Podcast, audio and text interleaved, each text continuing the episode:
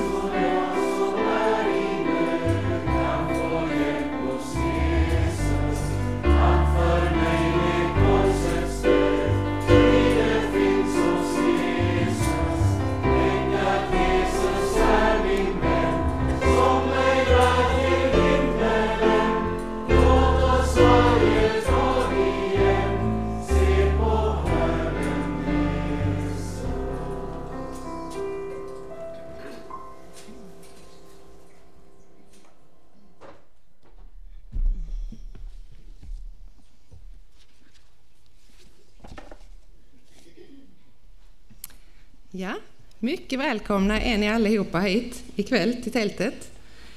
Eh, jag som står här och ska leda mötet ikväll heter Annika Hector Madvig eh, och jag är med i ELM-föreningen här i Eket som arrangerar den här tältveckan. Så den här predikan går ju också ut eh, via närradio och då är det ELM Eket som är ansvarig för sändningen. Men vi har fler med ikväll och det är Samuel Bengtsson som ska predika för oss. Du är fysiker och är bosatt i Lund. Och sen har vi två kollegor har jag förstått. Eh, jobbar inom kyrkan. Det är Sam Larsson, vaktmästare men boende i Hässleholm. Jobbar i Vittsjö. Tillsammans med dig Mats Lundergård som är kantor. Tack så mycket för att ni eh, ville komma hit, alla tre. Och alla ni som är i tältet, ni är jättevälkomna. Och ni som sitter vid radion och lyssnar också. Eh, vi hoppas att det här ska bli ett, ett eh, gott möte. För den som är lite förveden och sitter vid radion så kan jag säga att det är ganska fullt här faktiskt. De flesta stolarna är, ja, det fyller upp här helt enkelt. Vi ska börja med att be för den här kvällen. Gud, jag vill tacka dig för, eh, för den här dagen. Tack för att vi får träffas till en ny tältkväll. Att vi bara får släppa det som vi har hållit på med idag och bara sätta oss ner och lyssna. Tack för alla som är här och för alla som lyssnar vid radion. Tack för Samuel och Sam och Mats som, som vill vara med och göra den här kvällen möjlig, Men den kan bara bli möjlig om du faktiskt också är med, Gud. Tack för att du vill vara det, Herre. Temat för den här kvällen var se. Låt inte bara en eller två utan låt jättemånga få se vem du är ikväll. Få lära sig någonting mer om dig och få mycket med sig hem och fundera på. Jag vill be dig om din hjälp och om din välsignelse i allt som ska sägas och allt som ska sjungas. Berör människors hjärtan, Herre.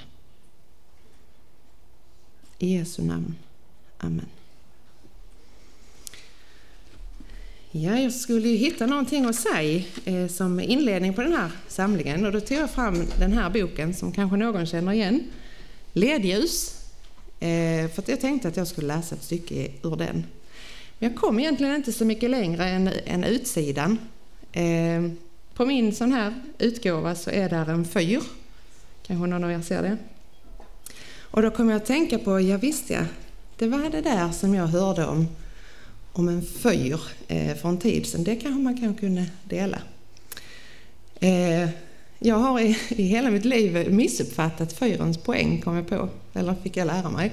Jag har alltid tänkt att fyren står på stranden för att liksom markera, app, app, här är land, kör inte, kör inte på liksom, kör inte på. Så. Men så mötte jag en man för en, eh, för en tid sedan, för ett halvår sedan, som var väldigt intresserad av segling och kunde mycket om båtar och så. Och då fick jag lära mig ett och annat om, om just fyrar. Såklart när man är ute och seglar och så, så är sjökort också jätteviktigt. Ehm, men den här mannen han tyckte väldigt mycket om att ut och segla på nätterna. Han tyckte det var spännande. Han sa det är inte svårare att segla på nätterna. Du följer ju bara fyren. Så sa han, fyren det är ju det lilla tornet som står där på stranden, eller stora kanske, som står där på stranden och lyser ut eh, med olika ljus. Och fyren, precis som här, så släpper den ut en, en ljuskägla liksom. En ljusstrut.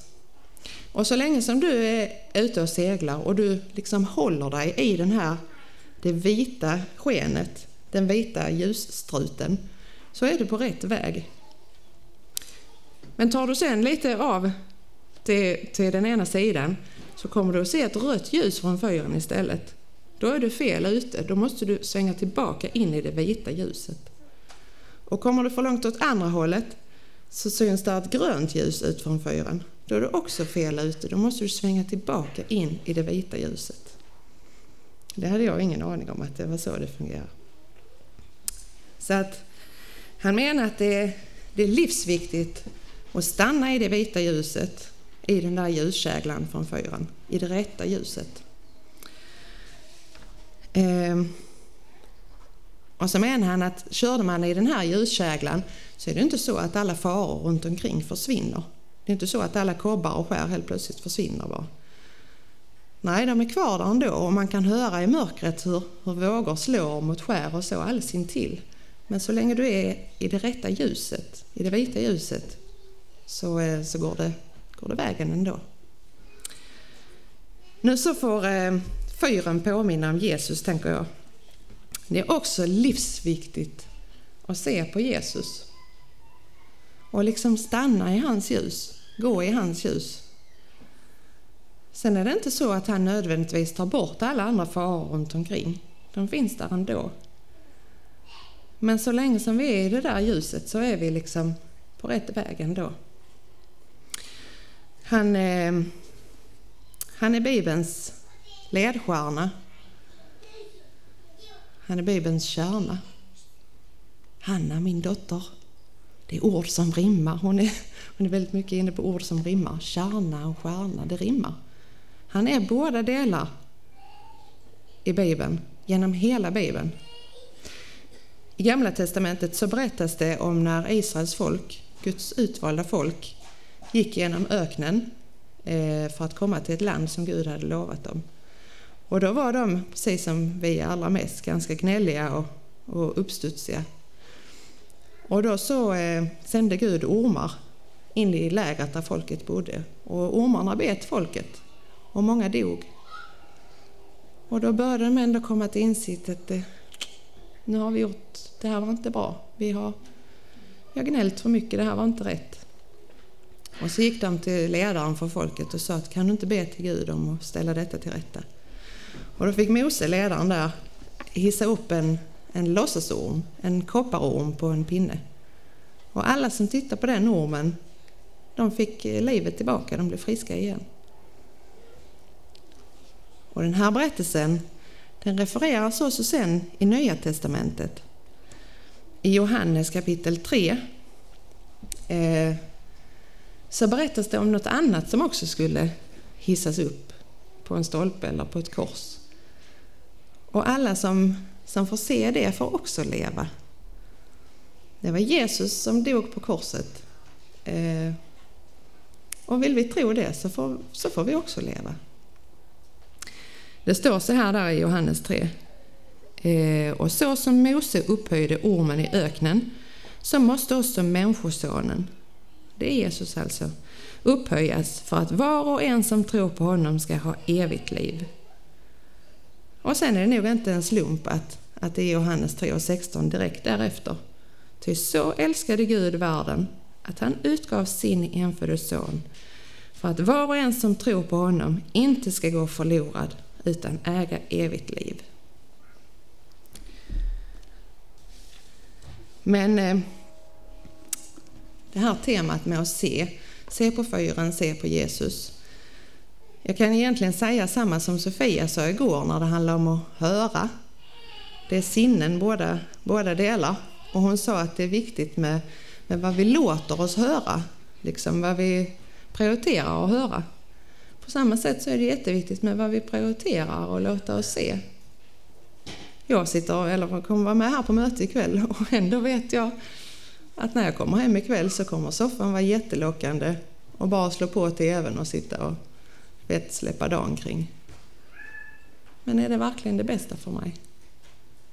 Då borde jag kanske låta bli. Eh, och sen är det ju så att, att sitta på ett möte så här, eller vara med på ett större sommarmöte eller sommarläger eller vara med i en stor, stor kristen gemenskap eller så, det kan ju vara väldigt Eh, omvälvande eller det kan vara väldigt eh, lätt och roligt att se Jesus då. Att han, att han kan bli stor för en när det är de stora andliga händelserna. Och det är härligt att få göra det ibland. Men det kanske inte... Vi kanske också måste tänka på vardagen och hitta någon rutin för hur vi ser Jesus i vardagen. om man, om man tänker på Jesus och hans lärjungar, tror ni att de fick uppleva under och mirakel och så? Pang bom varenda dag under sina tre år tillsammans med Jesus? Nej, när jag tänker så så tror jag inte att de fick göra det varje dag. Vissa dagar var sådana, men inte alla. Och den där dagen kanske när de gick in i, i eh, tappade jag stadens namn, Jeriko, och mötte Bartolomeus på vägen in där och han fick sin syn tillbaka. Det var ju jättehäftigt. Wow! Och sen senare så mötte de Sackeus där inne och fick vända upp och ner på hans liv, förändra hans liv. Det var kanske en dag som lärjungarna på kvällen liksom satt och pratade om wow, tänk vad vi har fått uppleva idag. Eller som den gången som Jesus och lärjungarna var, var trötta och ville egentligen bege sig vidare och så. Jesus han, det var så många människor som ville lyssna. Han predikade och predikade och predikade och folk, folk hade ingenting med sig att äta. Och så fick han göra det här undret med att ge 5000 människor mat.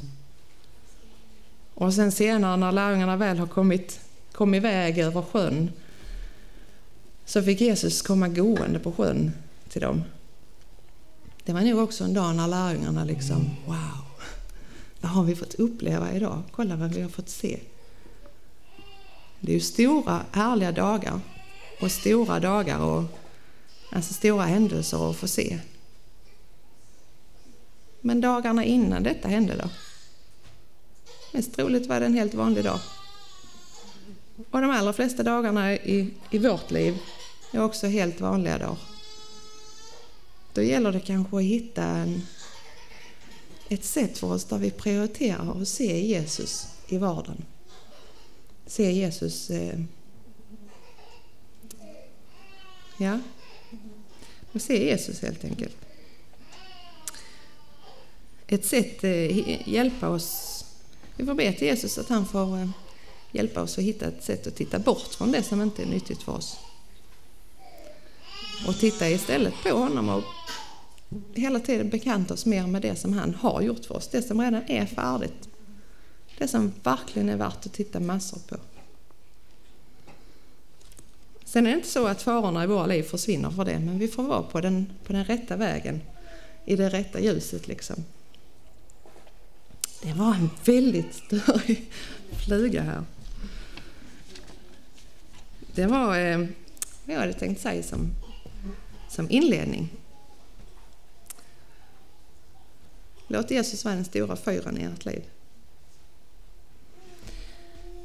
Eh, nu så ska vi få lyssna på sång. Och sen efter det så sjunger vi en sång tillsammans. Det är den nya sången nummer 60 och den kommer på skärmen då. Jag hoppas du tar med dig flygan ner så vi slipper. Du tog med dig en upp ju, sa du inte det? Det är inte nu alltså. Kommer kanske. Jaha, då var vi här igen. Det var ett år sedan tror jag, ungefär. Det brukar vara torsdagskvällen. Nej, fredag var det nu. Fredagen var det i fjol. Stämmer. Eh, se på Jesus, ja det är ju, eller se, ordet se, det kan ju användas på många olika sätt kanske, men se på Jesus, det är ju det viktigaste. Eh, det stod i ett blogginlägg, jag vet inte om ni läser på datorn. Inte jag i alla fall, men jag hörde av en annan. På Sveriges nationaldag, lite fyndigt, stod så här. Grattis Sverige, krya på dig. Det var ganska bra skrivet faktiskt. Det är kanske inte riktigt som det borde vara i vårt land. Och vilken medicin vore bättre än se på Jesus? Tänk om alla skulle göra det. Så hade det kanske blivit lite annorlunda. Eftersom Jesus, han är Herre, allsmäktig Fader och Gud. Och han ska regera till slut. Sjung gärna med den refrängen som ni säkert känner igen. Han är Herre, Jesus är Herre. Allsmäktig Fader och Gud.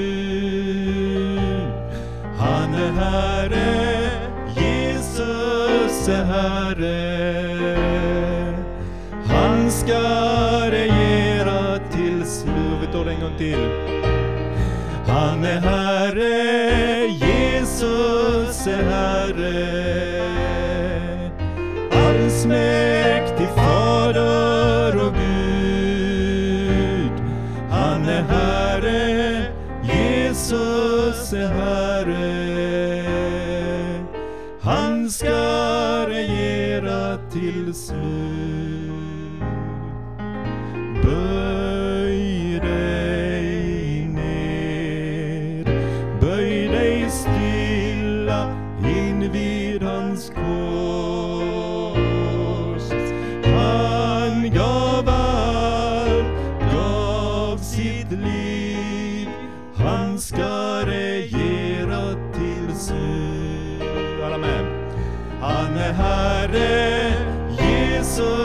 Jesus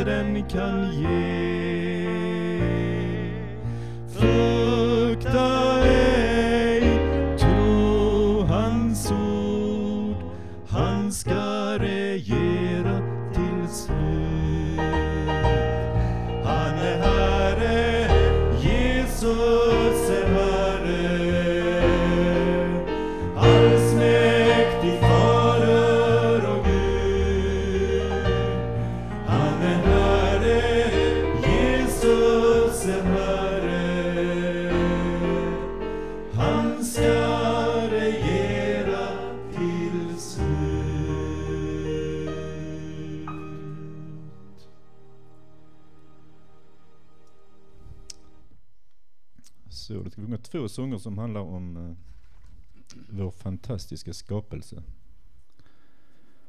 Och eh, jag kom på ett litet C-ord här också. Jag byter glasögon. I fjol, kommer ni ihåg det? Då såg jag ingenting. Jag Fick låna glasögon av honom. Det bra. Tog med mina egna. Det står Matteus 6 och 20... 2020. 28. 6 och 28. Se på ängens liljor, se. Se på ängens liljor. Hur de växer. De arbetar inte och spinner inte, men jag säger er, inte ens Salomo i all sin prakt var klädd som en av dem. Alltså, Gud har klätt naturen i fantastiska kläder. Och eh, att sitta ute i naturen på en blomsteräng och tala med Gud. Det är något fantastiskt. Att sitta mitt i skapelsen. Han talar genom det vi ser och kan, kan också tala till oss i vårt hjärta. Och vi kan lyssna på honom. Den här sången heter På min blomsteräng.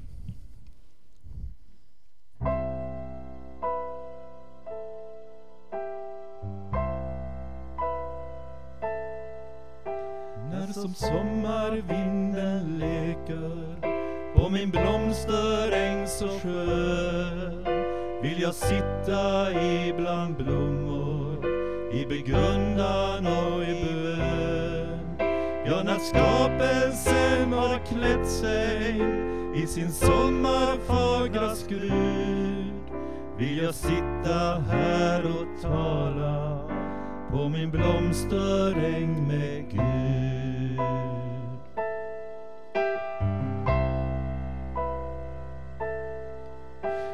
Vill tala om mitt tvivel. Jag vill tala om min tro. Jag vill tala om min längtan efter frid och efter ro. Ja, när sommarängen blommar hörs ett stilla böneljud. Ty jag sitter här och talar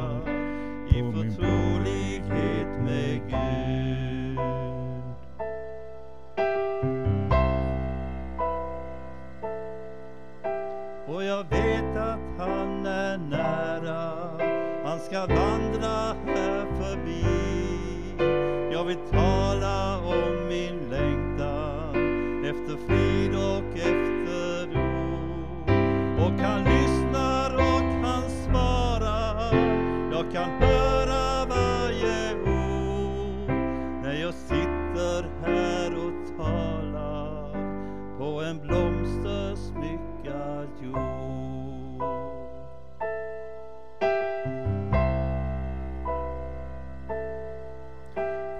när sommarvinden leker på min blomsteräng så skön vill jag sitta ibland blommor i begrundan och i bön.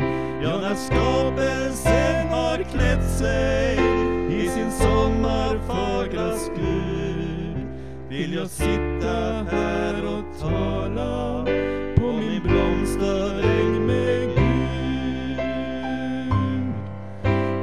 Ja,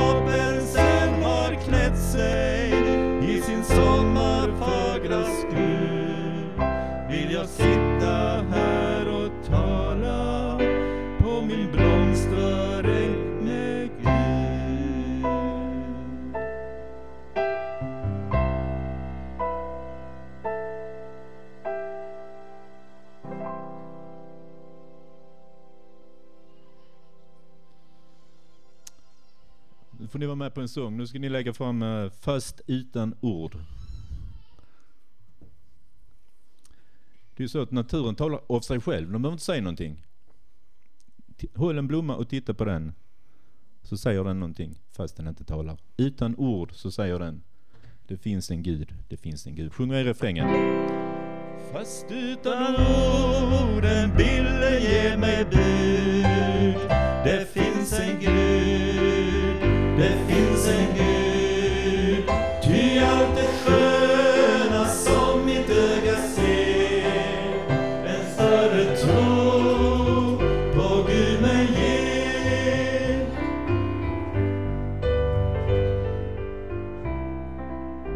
Det stod en blomma så skön och blid i dikets renen Den lilla blomman, jag glömmer ej den himmelsblåa förgätmige. Alla män, Fast utan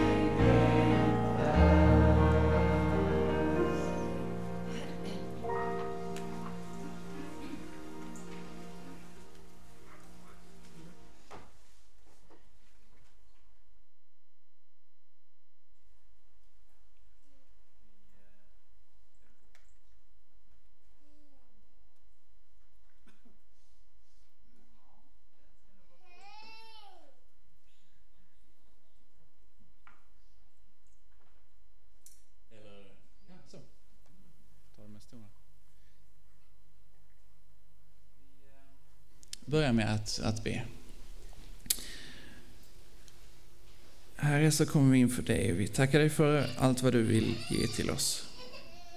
Tack för att du är den store herre, herre och Gud som, som har skapat allting och skapat oss, varenda en som är här. Och tack för att du har kallat oss hit. Herre, för du oss närmare dig. Herre, öppnar du våra ögon så att vi kan se dig. Kom med din heliga Ande precis så som du har lovat och var du själv här precis som du har lovat.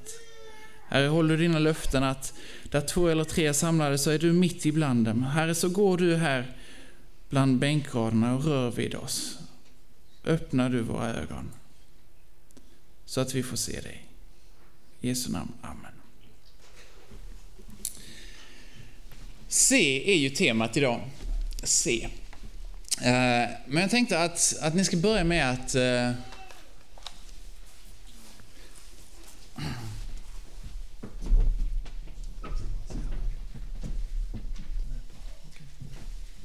Ja. Um, börja med att blunda. Om alla blundar. Så, så här är det som du kommer till världen. Utan att se. Så här är också så som du kommer inför Gud när du föds. Utan att se honom. Det här är också det tillstånd som du går tillbaka till och faller tillbaka till gång på gång på gång. Att inte se, att blunda.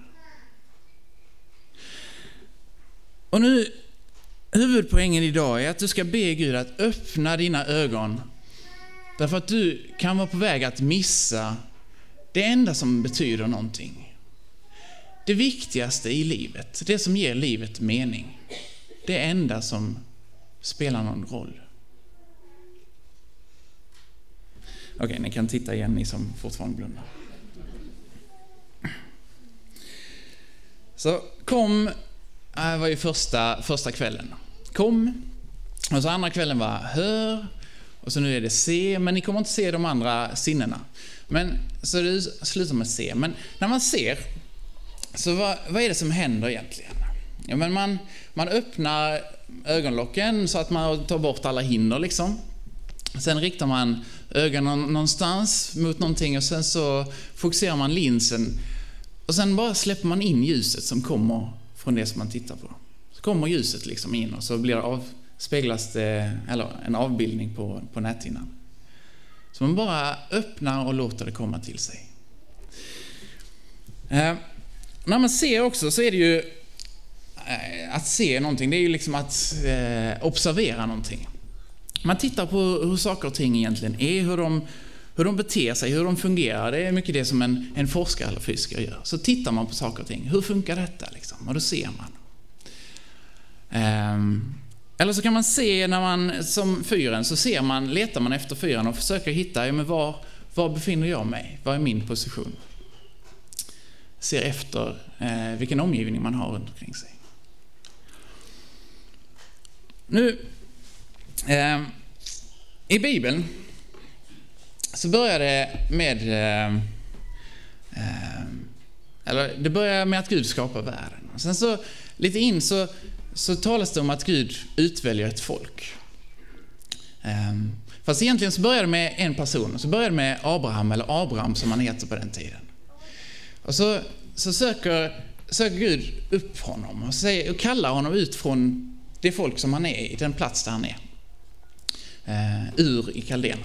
Ehm, och så kallar han honom bort till ett, till ett annat ställe och så säger han att, säger Gud att jag ska vara med dig. Och så ger han löften till Abraham och så säger han, jag ska göra dig till ett stort folk. Ja.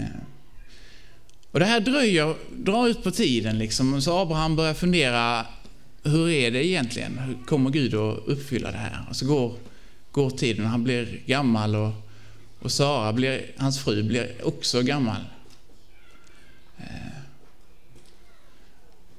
Men så småningom så, så kommer Isak, så håller Gud, Gud håller sina löften. Eh, så kommer, föds Isak då, löftets son.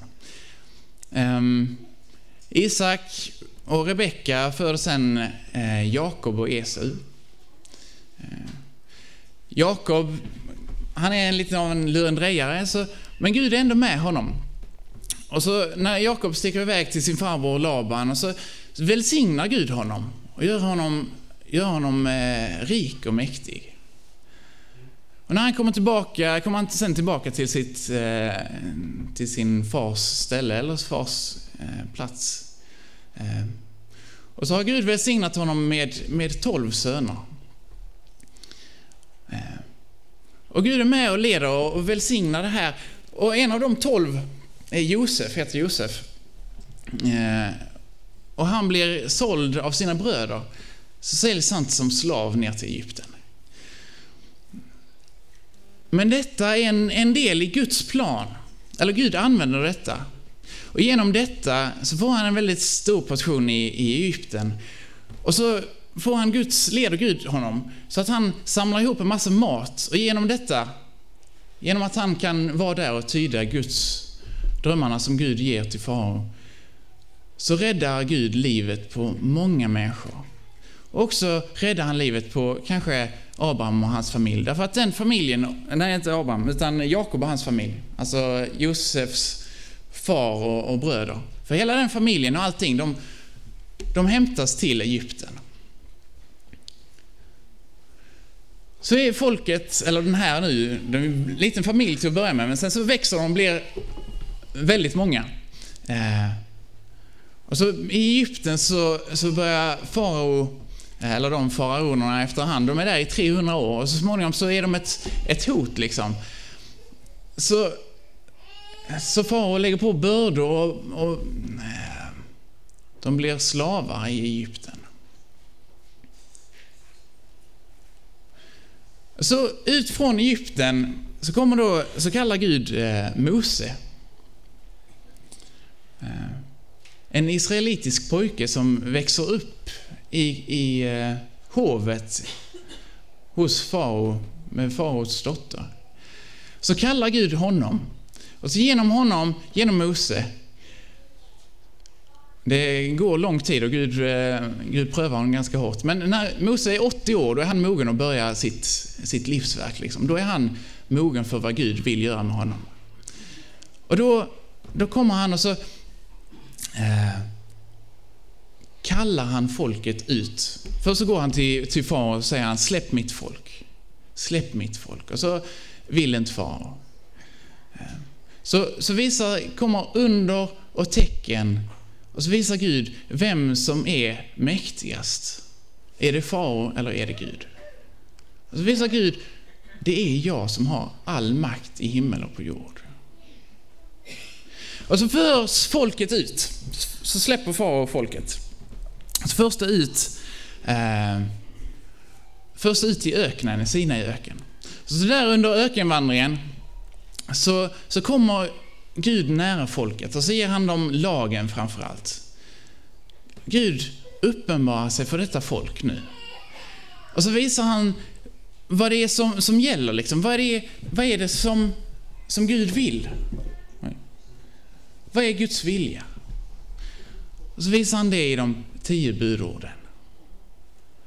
Och så får Mose komma nära Gud på ett exceptionellt sätt och så ser han Gud ansikte mot ansikte. Och så genom ökenfärden så, så visar Gud sig sin makt gång på gång på gång när han visar sin omsorg om folket. Och så där i, i, i ökenfärden också så, eh, så får de också, eller så instiftas också tabernaklet, tempelkästen, där, där Gud med sin ande på ett särskilt sätt är. Och så, och så är det offertjänsten, hur man hur man ska offra med, med eh, lamm och turturduvor och djur och allt möjligt. Liksom. Alla olika offer. För att sona sin skuld inför Gud. Det som man gör. Så leder han, leder han folket och så leds folket in i löfteslandet, i Israels land. Um, och där, där är det först domare som som tar hand, som Gud sänder, därför att folket vänder sig bort från Gud. Och så kommer det någon plåga. Midjaniterna eller något annat folkslag eller sånt som börjar plåga dem. Och så sänder, ber de och ropar dem till Gud och så sänder Gud hjälp, domare som kan hjälpa. Så sänder Gud hjälp gång på gång. Och sen så frågar de, vill de ha en kung? Och då, då väljs, eh, smörjer Samuel Saul till kung först. Eh, så är Saul, eh, han vänder sig bort från Gud. Efter Saul så kommer David som, som är den som har skrivit mest av våra psalmer i, i Psaltaren. Han gjorde ungefär lika mycket dumt som, som Saul, men han omvände sig och ödmjukade sig inför Gud. Och så ledde Gud, Gud folket och, genom David. Sen efter David så kom Salomo och sen splittrades riket i två. Sen går det en tid och det kommer, kungar kommer och kungar går. De flesta kungar vänder sig bort från Gud. Och där ska vi läsa från eh, Jeremia. Jeremia är en profet, så Gud sände profeter där under den tiden. Sen sände Gud profeter och genom profeterna så talade Gud. Genom profeterna så sa Gud eh, vad det var som gällde. Och säger han i Jeremia Hör detta du dåraktiga folk utan förstånd. Ni har ögon och ser inte. Ni har öron och hör inte. Ni har ögon och ser inte. Ni har öron och hör inte. Vad var det då som folket hade gjort? Vad var, vad var det med folket? Jo, det står lite tidigare Ty det har handlat mycket trolöst mot mig, både Israels hus och Juda hus, säger Herren. De har förnekat Herren och sagt, han finns inte, inget ont ska drabba oss. Svärd och hunger ska vi inte möta. Profeterna blir till vind, Guds ord är inte i dem. Vad de säger ska drabba dem själva. Vad är, vad är nu det här folket som, som nu under 2000 år, eller 1000 år ungefär, ett, ja, 1500 kanske. Från att Abraham kallades. Så har Gud gång på gång, så har Gud gång på gång visat sin makt, sin härlighet. Att han är den som har all makt. Vem han är. Han har visat sin vilja för dem. Och ändå, så nu så, så säger de att det finns ingen Gud. Hur är detta möjligt? Varför gör de? De kan ju bara läsa i, höra från sina förfäder liksom. Vad är det för berättelser? Vad gjorde Gud i vår gamla tid? Jo, men Gud gjorde så här. Gud räddade oss ut från Egypten, annars hade vi inte varit här. Så var det ju för folket. Gud förde oss in i löfteslandet, annars hade vi inte varit här, då hade vi varit döda. Så var det. Gud sände domare som räddade oss varenda gång, annars hade vi inte varit här. Ändå säger de detta, det finns ingen Gud. Och så klagar Jeremia, eller Herren genom Jeremia. Du har ögon, men du ser inte. Du har öron, men du hör inte.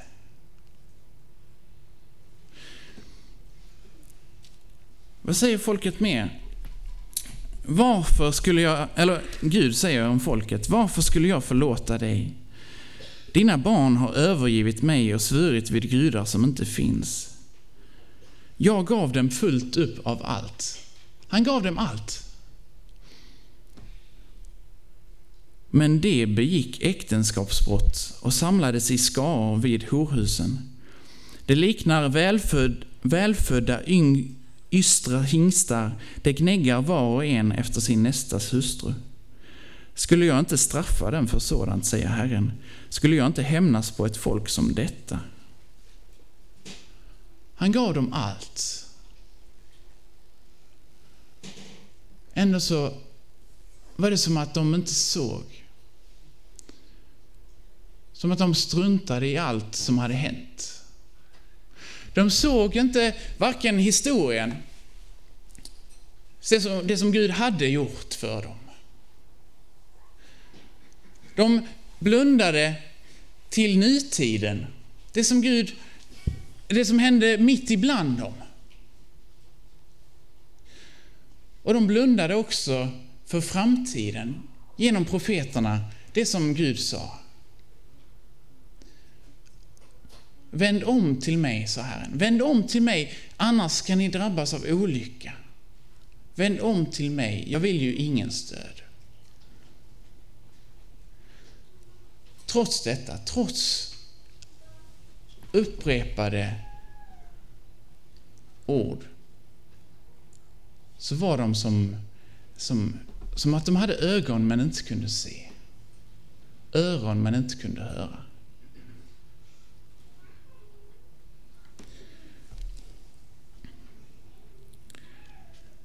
Ser du? Ser du hur det är fatt?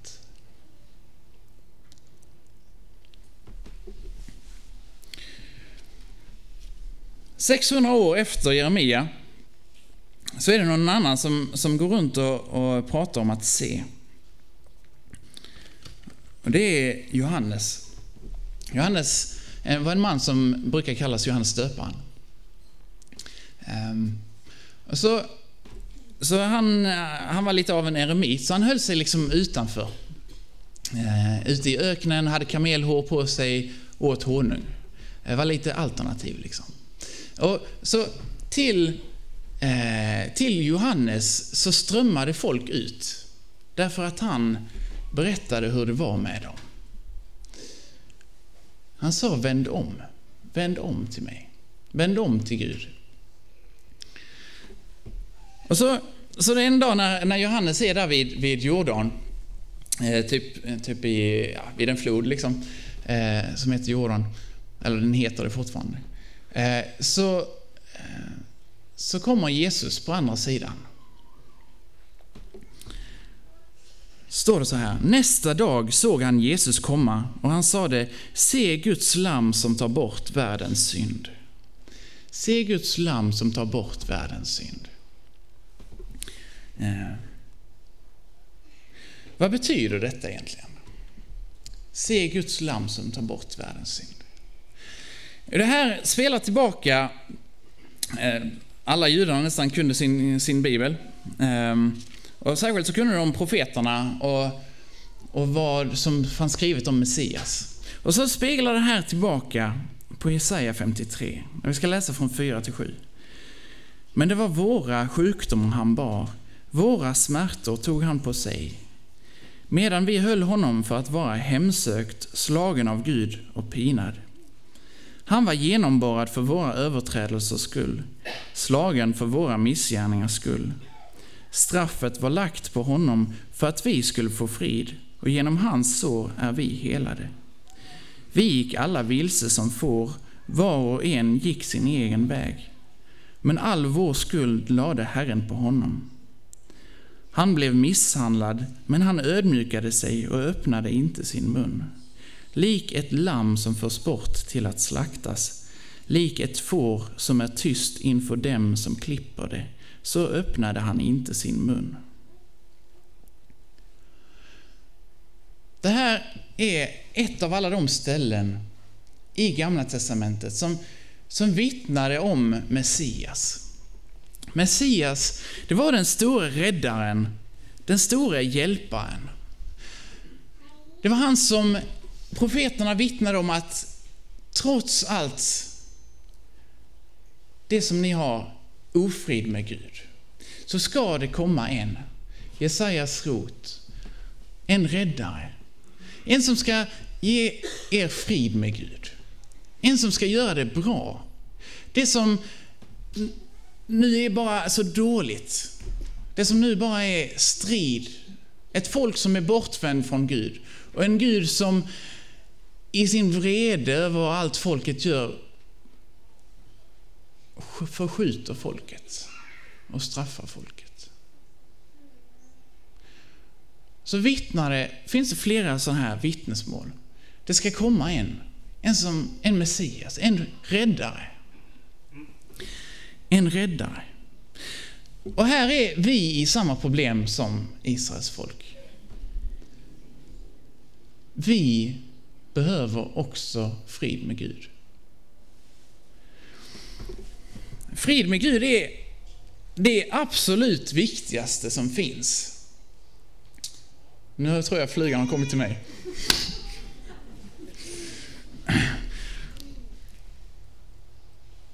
Du måste försonas med Gud. Du måste försonas med Gud. Därför att det är inte bra ställt mellan dig och Gud. På samma sätt som med Israels folk som var bortvänt från Gud. Så är du också från början bortvänd från Gud. Och det här problemet, det här är kanske ett visst problem här i livet, medan vi lever här. Men på något sätt så kan man ändå hanka sig fram här. Men när vi dör, då visar det sig. Då är det ett reellt, verkligt stort problem som det är för sent att ta tag i. Du måste försonas med Gud. Du måste få frid med Gud. Han som har skapat allting, han som håller allting, han som håller dig i sin hand. Han som ser allting. Han som ser dig. Han som också längtar efter dig. Och längtar efter att försonas med dig. Du måste få frid med Gud. Jag måste få frid med Gud. Det är det viktigaste. Och så i löftena, i löftena om Messias i Gamla Testamentet så står det, kommer det löften gång på gång om att han ska rädda oss. Han ska skydda och göra allt för oss. Och så, här så läste vi Jesaja, vad sa det? Våra smärtor tog han på sig. Våra missgärningar tog han på sig. Straffet var lagt på honom för att vi skulle få frid. Vi gick alla vilse som får, men all vår skuld lade Herren på honom. Och så gäller det här också dig och mig. Och så är Jesus den som, som är Guds lamm som tar bort världens synd. När, när Johannes nu står här och säger se Guds lamm som tar bort världens synd, så är Jesus det offerlamm, det lamm som har pekats fram, fram på under hela tiden, det med, med offertjänsten. Som var ända från Eh, öknen när folket gick där och infördes. När folket fick offra djur för att de gjorde fel mot Gud. Så är, Gud, så är Jesus det offerlamm som Gud har självt utvalt. Guds offerlamm. Det enda som egentligen spelar någon roll, därför att alla de andra, det kunde inte göra något egentligen.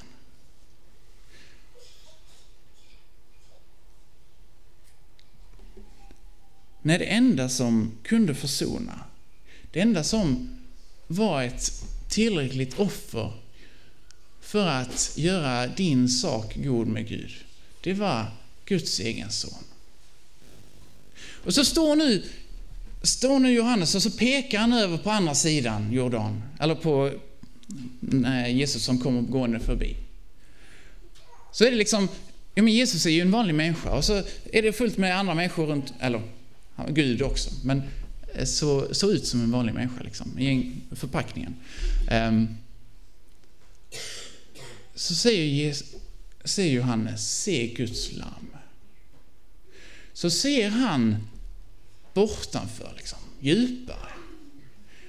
Så ser han ett lamm som går förbi. Och det är också ett lamm, ett offerlamm. Han ser med profetisk blick precis det som Jesaja här vittnar om. Lik ett lamm som förs bort till att slaktas. Det är Jesus. Och så, så mitt uppror, allas våra uppror, allting, det läggs på honom. Se Guds lamm som tar bort världens synd. Allas problem med Gud. Det som hindrade dig från att vara med Gud. Allt som står mellan dig och Gud, all oförrätter, allt som har blivit fel, allt som inte är som det skulle vara. Varje ond tanke, varje ond handling. Varje... Det som du nu sitter och tänker på. Det som jag nu... Allt som inte är som det skulle vara. Våra brister i kristenlivet. Dina försummelser. Dina onda tankar om dina medmänniskor. Brotten mot första, andra, tredje, fjärde, femte, sjätte, sjunde, åttonde, nionde, tionde budet. Allt, allt lades på Jesus. Det var ju så det stod. Så vittnar Jesaja.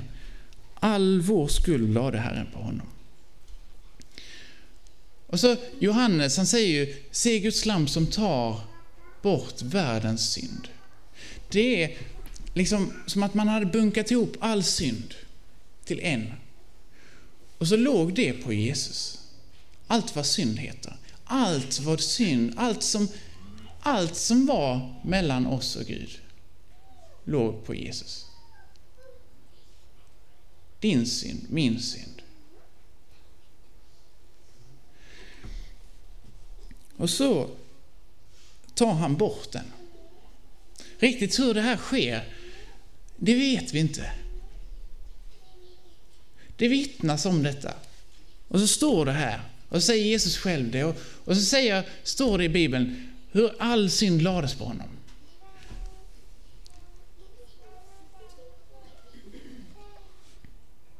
Och så försonar han det. Och så det här att Jesus tar bort all världens synd, det kan också Jesus bär all världens synd. Och det är det som sker när Jesus dör. När Jesus lider och så dör han på ett kors. För dig och för mig. I vårt ställe. För att vi ska ha frid med Gud. Och säger, säger ju Johannes här, se Guds lam, se. Så enkelt. Det är bara att se. Eh, samtidigt, tänk vad lätt att missa. Tänk så missar man Jesus. Tänk så missar du Jesus. Här när han kommer förbi. Så var det ju för, för Johannes, för de andra som stod runt Johannes. De hade inte tänkt sig att, eh, att något särskilt skulle hända. Liksom. De kom för Johannes. Och de kände inte igen den här snickaren från Nasa som kom gående där. Så lätt för dem att missa.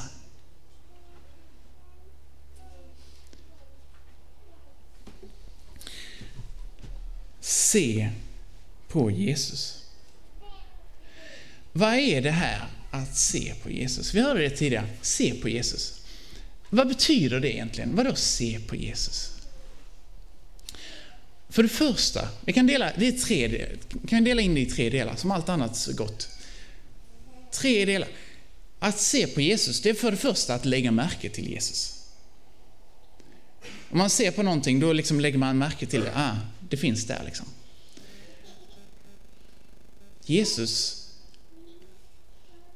är Guds son som blev offrad för dig och mig. Jesus är Messias. Och för det andra, att se, om man ser lite djupare så, så börjar man observera, men hur, hur är det här? Hur funkar det? Vad, vad är det som händer liksom? Då har man inte bara sett att det finns där, utan då börjar man titta liksom under en längre tid. Och då börjar man se att, ja men, Jesus, eh, han har gjort allt för mig. Jesus inte mer, bara dog på ett kors liksom, och skapade mig frid med Gud, utan han älskar mig. Och korset, korsdöden, det är liksom på något sätt beviset på det. Jesus är min bror. Och det, det tredje, att se på Jesus, det är när man tar det till sig själv. Det här att Jesus dog, han dog för mig. Och det gäller mig. Det är att se på Jesus. Att tro att det han gjorde, allt det han sa, att det stämmer och att det är på riktigt och spelar roll för mig. Se på Jesus. Att lita och tro på honom. Vi ska läsa ett stycke till om en man. Vi hörde det tidigare från eh, Lukas. Står det, när Jesus närmade sig Jeriko satt en blind man vid vägen och tiggde. Han hörde folk gå förbi och frågade vad som stod på. Man talade om för honom att det var Jesus från Nasaret som gick förbi. Och då ropade han, Jesus, Davids son, förbarma dig över mig. Det som gick främst sa åt honom att tiga, men han ropade bara ännu mer, Davids son, förbarma dig över mig. Jesus stannade och befallde att mannen skulle ledas fram till honom. När han kom frågade Jesus, vad vill du att jag ska göra för dig? Han svarade, Herre, gör så att jag kan se. Jesus sade till honom, du får din syn, din tro har frälst dig. Här, kanske, kanske är du och jag som den här mannen. Han satt där, där vid vägen och tiggde. Världen sprang förbi, folk sprang förbi, tiden gick. Ensam satt han där och tiggde. Eller i och för sig, Matteus pratar om att de var två. Men de var uppenbart utanför samhället. De var glömda, fattiga. Är du och jag sådana? Är vi som, som den här mannen som sitter där, som bara väntar på att någon skulle se oss. Som väntar. Som väntar. Så kommer Jesus. Och så kommer Jesus och när Jesus är nära så ropar den här mannen. Och så är Jesus också här i detta tältet. När Jesus nu kommer nära, när Jesus nu kommer till dig, skjut inte bort det. Skjut inte bort det liksom. Det är så mycket som den här mannen, så var det de andra som stod i närheten som bara, nej var tyst, tala inte så högt. Det är ju en, en frälsare som kommer här, liksom, eller Jesus. Usch.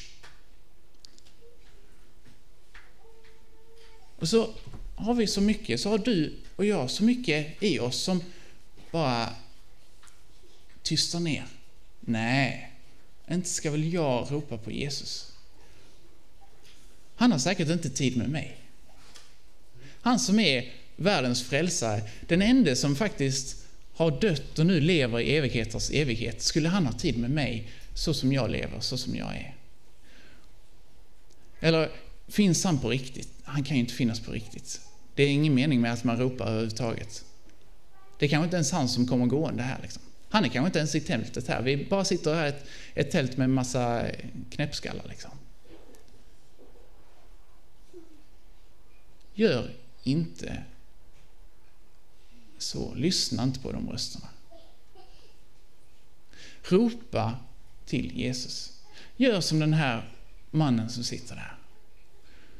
Så ropar han Jesus, Davids son, förbarma dig över mig.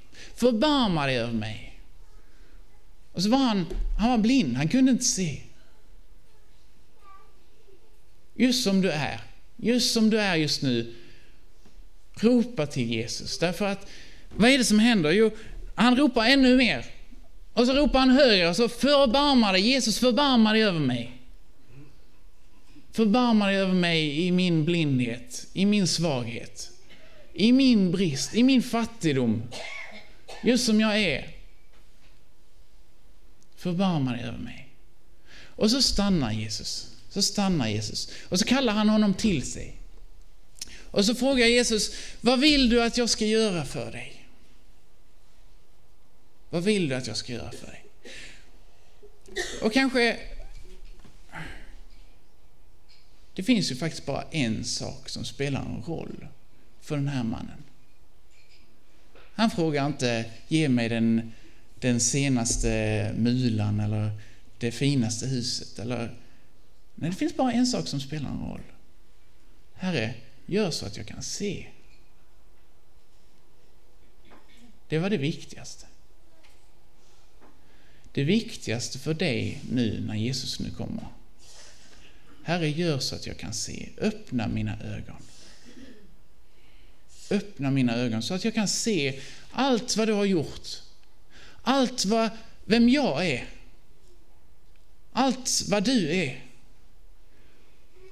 Hur du är Guds lamm som har dött för mig. Öppna mina ögon så att jag kan se din makt och din härlighet. Öppna mina ögon så att jag kan se alla människor runt omkring mig. Öppna mina ögon så att jag kan se och läsa i ditt ord allt vad du har gett. Det är det viktigaste. Öppna mina ögon.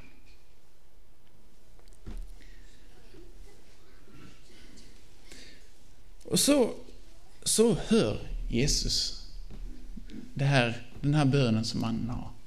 Och då säger han, du får din synd, din tro har frälst dig. Din tro har frälst dig. Och så genast kunde han se och han följde Jesus och prisade Gud. Och allt folket som såg det prisade Gud. Den glädje över att när folk, när någon människa ser Jesus för första gången, eller för tionde gången, eller hundratusende gången, eller på nytt idag, det som du gjorde igår. För så är det. Varje dag måste vi öppna våra ögon igen. Be Gud att han ska öppna våra ögon.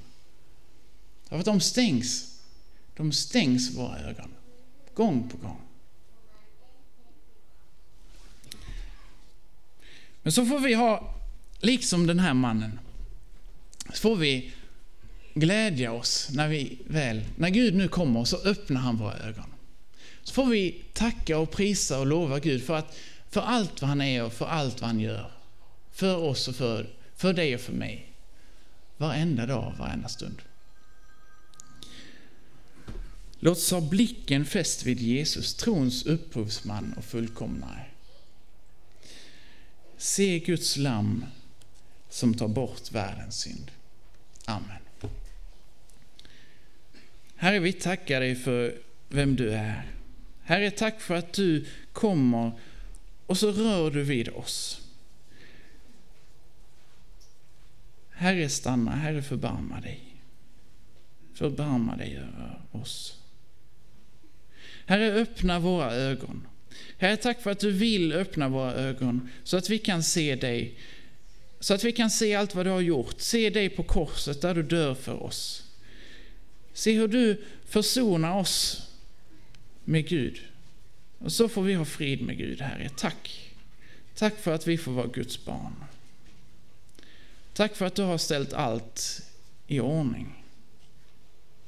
Tack för en himmel som väntar här. Tack för en evighet tillsammans med dig. Herre, dra oss till dig. Och Herre, är det någon här inne som ännu inte har sagt ja till dig, så här ber jag att du kommer med din heliga Ande och öppnar ögonen. Herre. I Jesu namn. Amen. Vi sjunger sången Se, se, se och lev.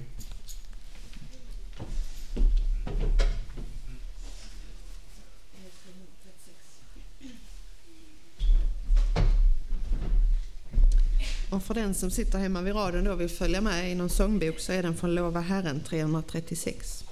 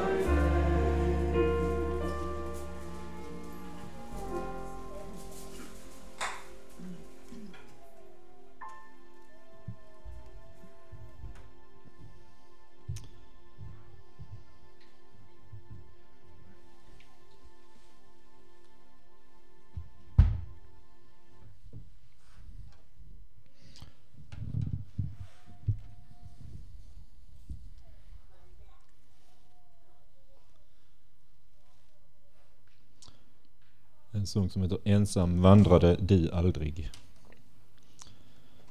För den som vill eh, följa Jesus så är hans löfte till dig och mig att han ska gå med oss alla dagar.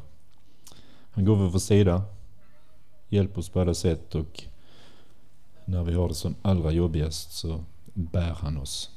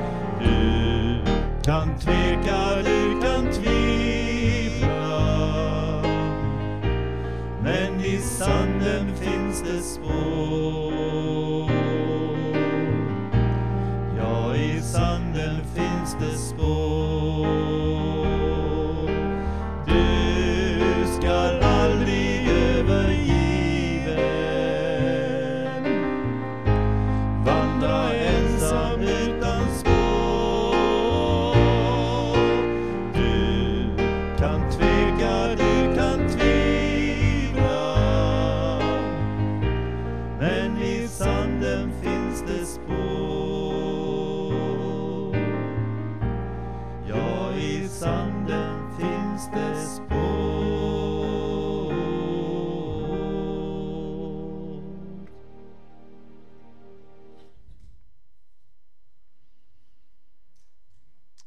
En sång på samma tema får ni vara med på. Den heter Låt mig vandra nära dig. Nu får vi upp här på text. Sjung med. Låt mig vandra nära dig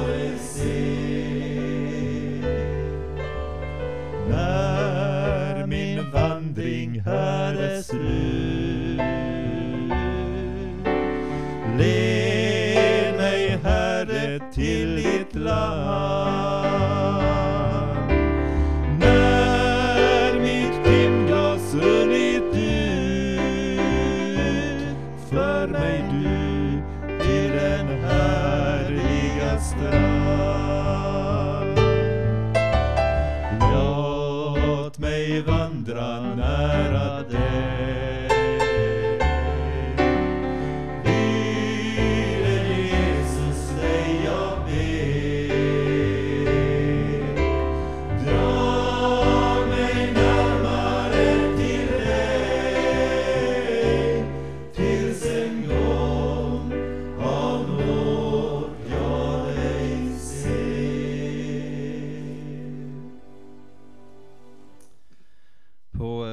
70, 80 och 90-talet så var det ett sångarpar som hette Kurt och Roland som var ute och, och sjöng i, ja, mycket på tältmöten och lite överallt i Sverige. Och Kurt som eh, var, var, de var två svågrar och eh, han eh, skrev många fina sånger.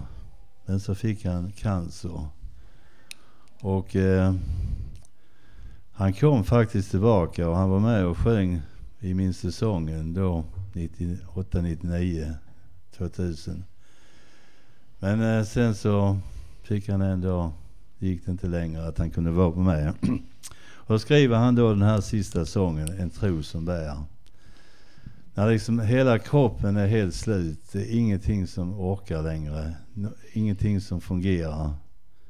Då är det sista han säger här, en tro som bär. Det har han med sig.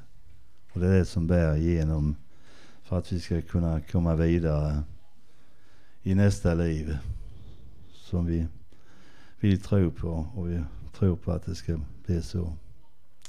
Det är fantastiskt att kunna ha den tron på det. En tro som bär.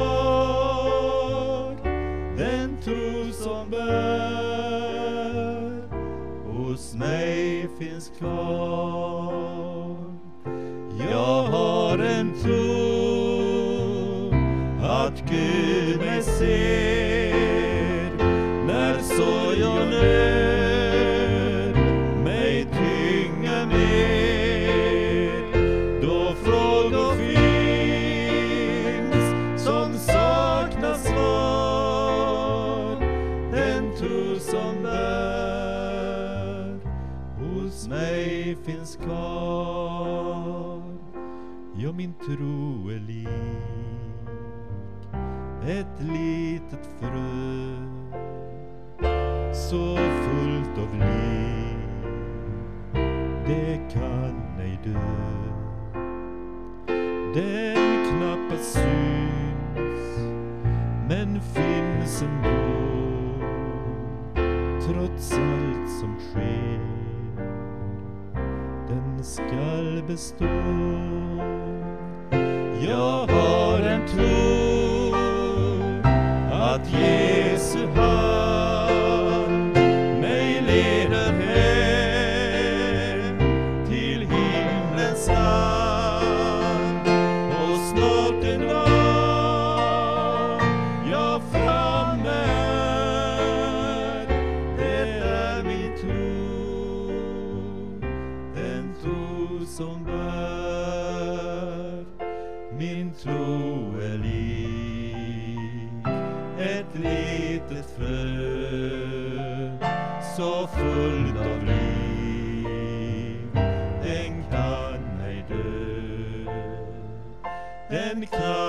syns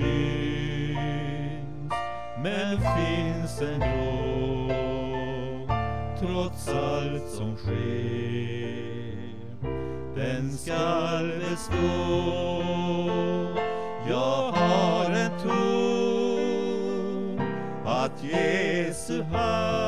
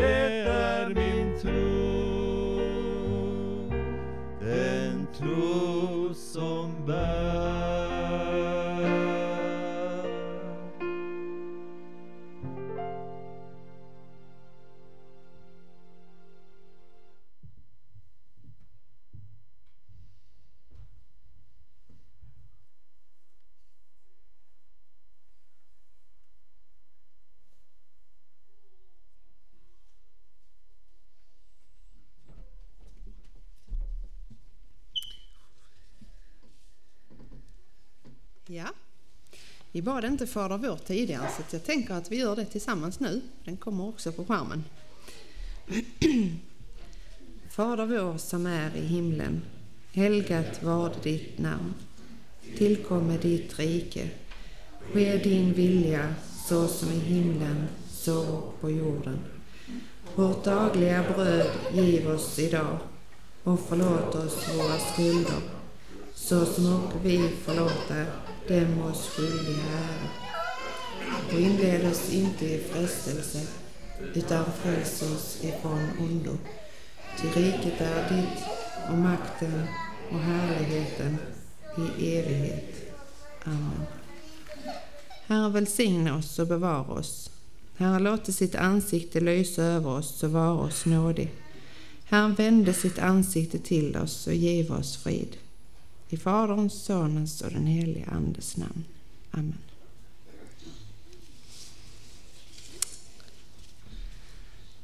Ja, nu så är det nästan, nästan snart slut för ikväll. Vi vill säga tack. Tack till dig Samuel för att du kom hit. Tack till, till Gud för det som han har gett dig att säga. Du sa, du sa på ett tid, en tidpunkt i predikan, så det där se på Jesus, vad innebär det? Kanske är det någon som fortfarande känner så, som antingen sitter här i tältet eller hemma. Vad innebär det? Alltså då är du inte ensam om att känna så. Det var ju tusentals människor genom denna tusenåriga predikan, 2000-åriga predikan, 34, som inte heller har fått se det. Men det var så fint att sluta med det här med, med han, den blinde som fick be om det. För vi kan ju inte ta tro själva så. Man kan inte bara fatta rakt upp och ner. Det är också Gud som ger det. Och det får vi be om att han ska göra. Så känner du fortfarande så liksom, ja men vadå då säger Gud? Kämpa lite man. Be. Be till honom och få se det. Och tack till, till Mats och till Sam. Roligt att ni vill komma hit. Ni är välkomna nästa år igen, kan vi säga. Vi kan ju boka er med detsamma, höll jag på sig. Ja, det är mycket roligt. Ni sjunger jättefint.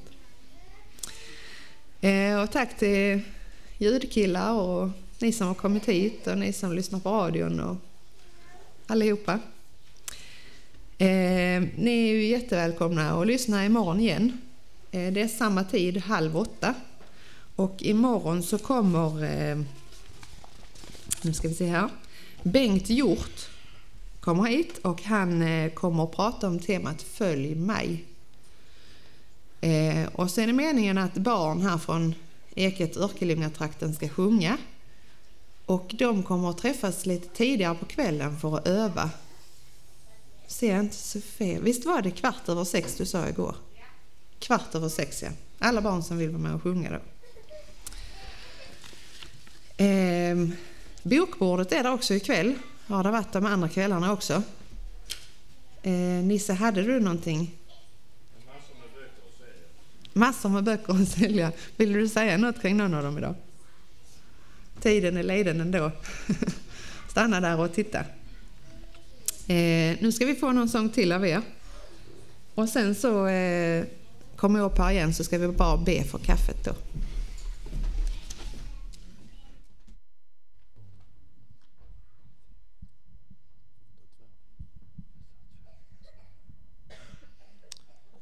Ja. Nu är det tur jag har glasögon för det börjar bli skumt här. Vi ska sjunga två sånger till, ni får stå ut med det. I Guds eviga sommar heter denna. Och eh, himlen liknas här vid en evig sommar. Och det kan väl vara härligt. Visst är det den bästa årstiden. Och i himlen ska det alltid vara härligt. Och där får vi se honom sådan han är.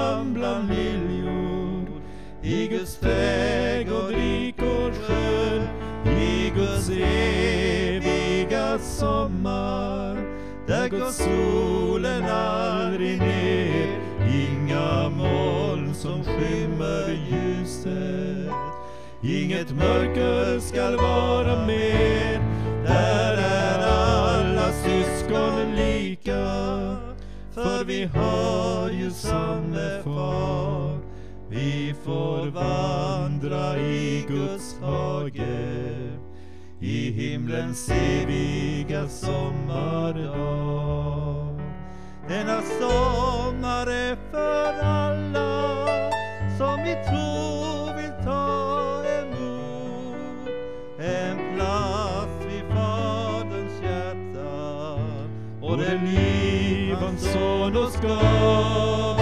Denna sommar är för alla som i tro vill ta emot en plats vid Faderns hjärta och det liv hans son oss gav i Guds eviga sommar.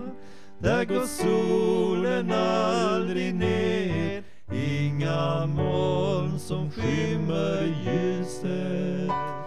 Inget mörker skall vara med, där är alla syskon lika. För vi har ju samme far, vi får vandra i Guds hage i himlens eviga sommardag.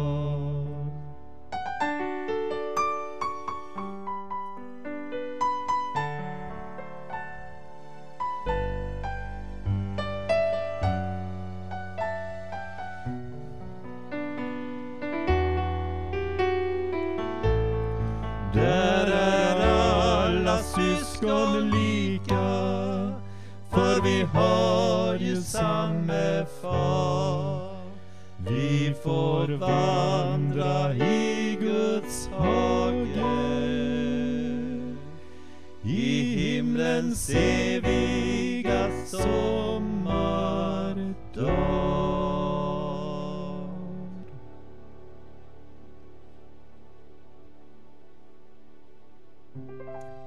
En bön till sist. Håll mig nu under ditt beskydd. Bär mig Gud i din starka hand. När havet blåser, när åskan går, så är jag trygg hos dig. Du är min Gud för evig tid.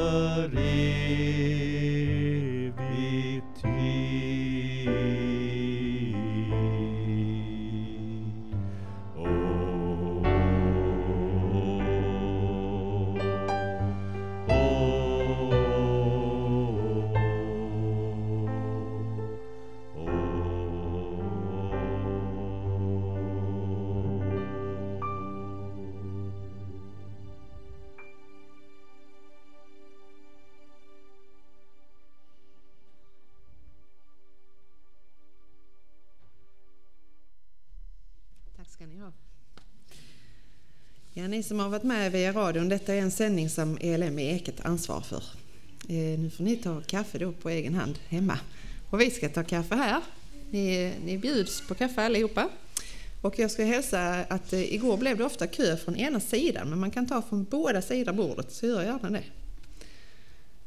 Och uppmaningen från igår är också egentligen densamma, att eh, det är trevligt att prata och ha trevligt tillsammans, men ta det också som en uppmaning att prata om det ni har hört och, och eh, dela bönämne. Vi ska be för maten. Gode Gud välsigna fikat i Jesu namn. Amen. Välkomna imorgon igen, halv åtta. Och varsågoda.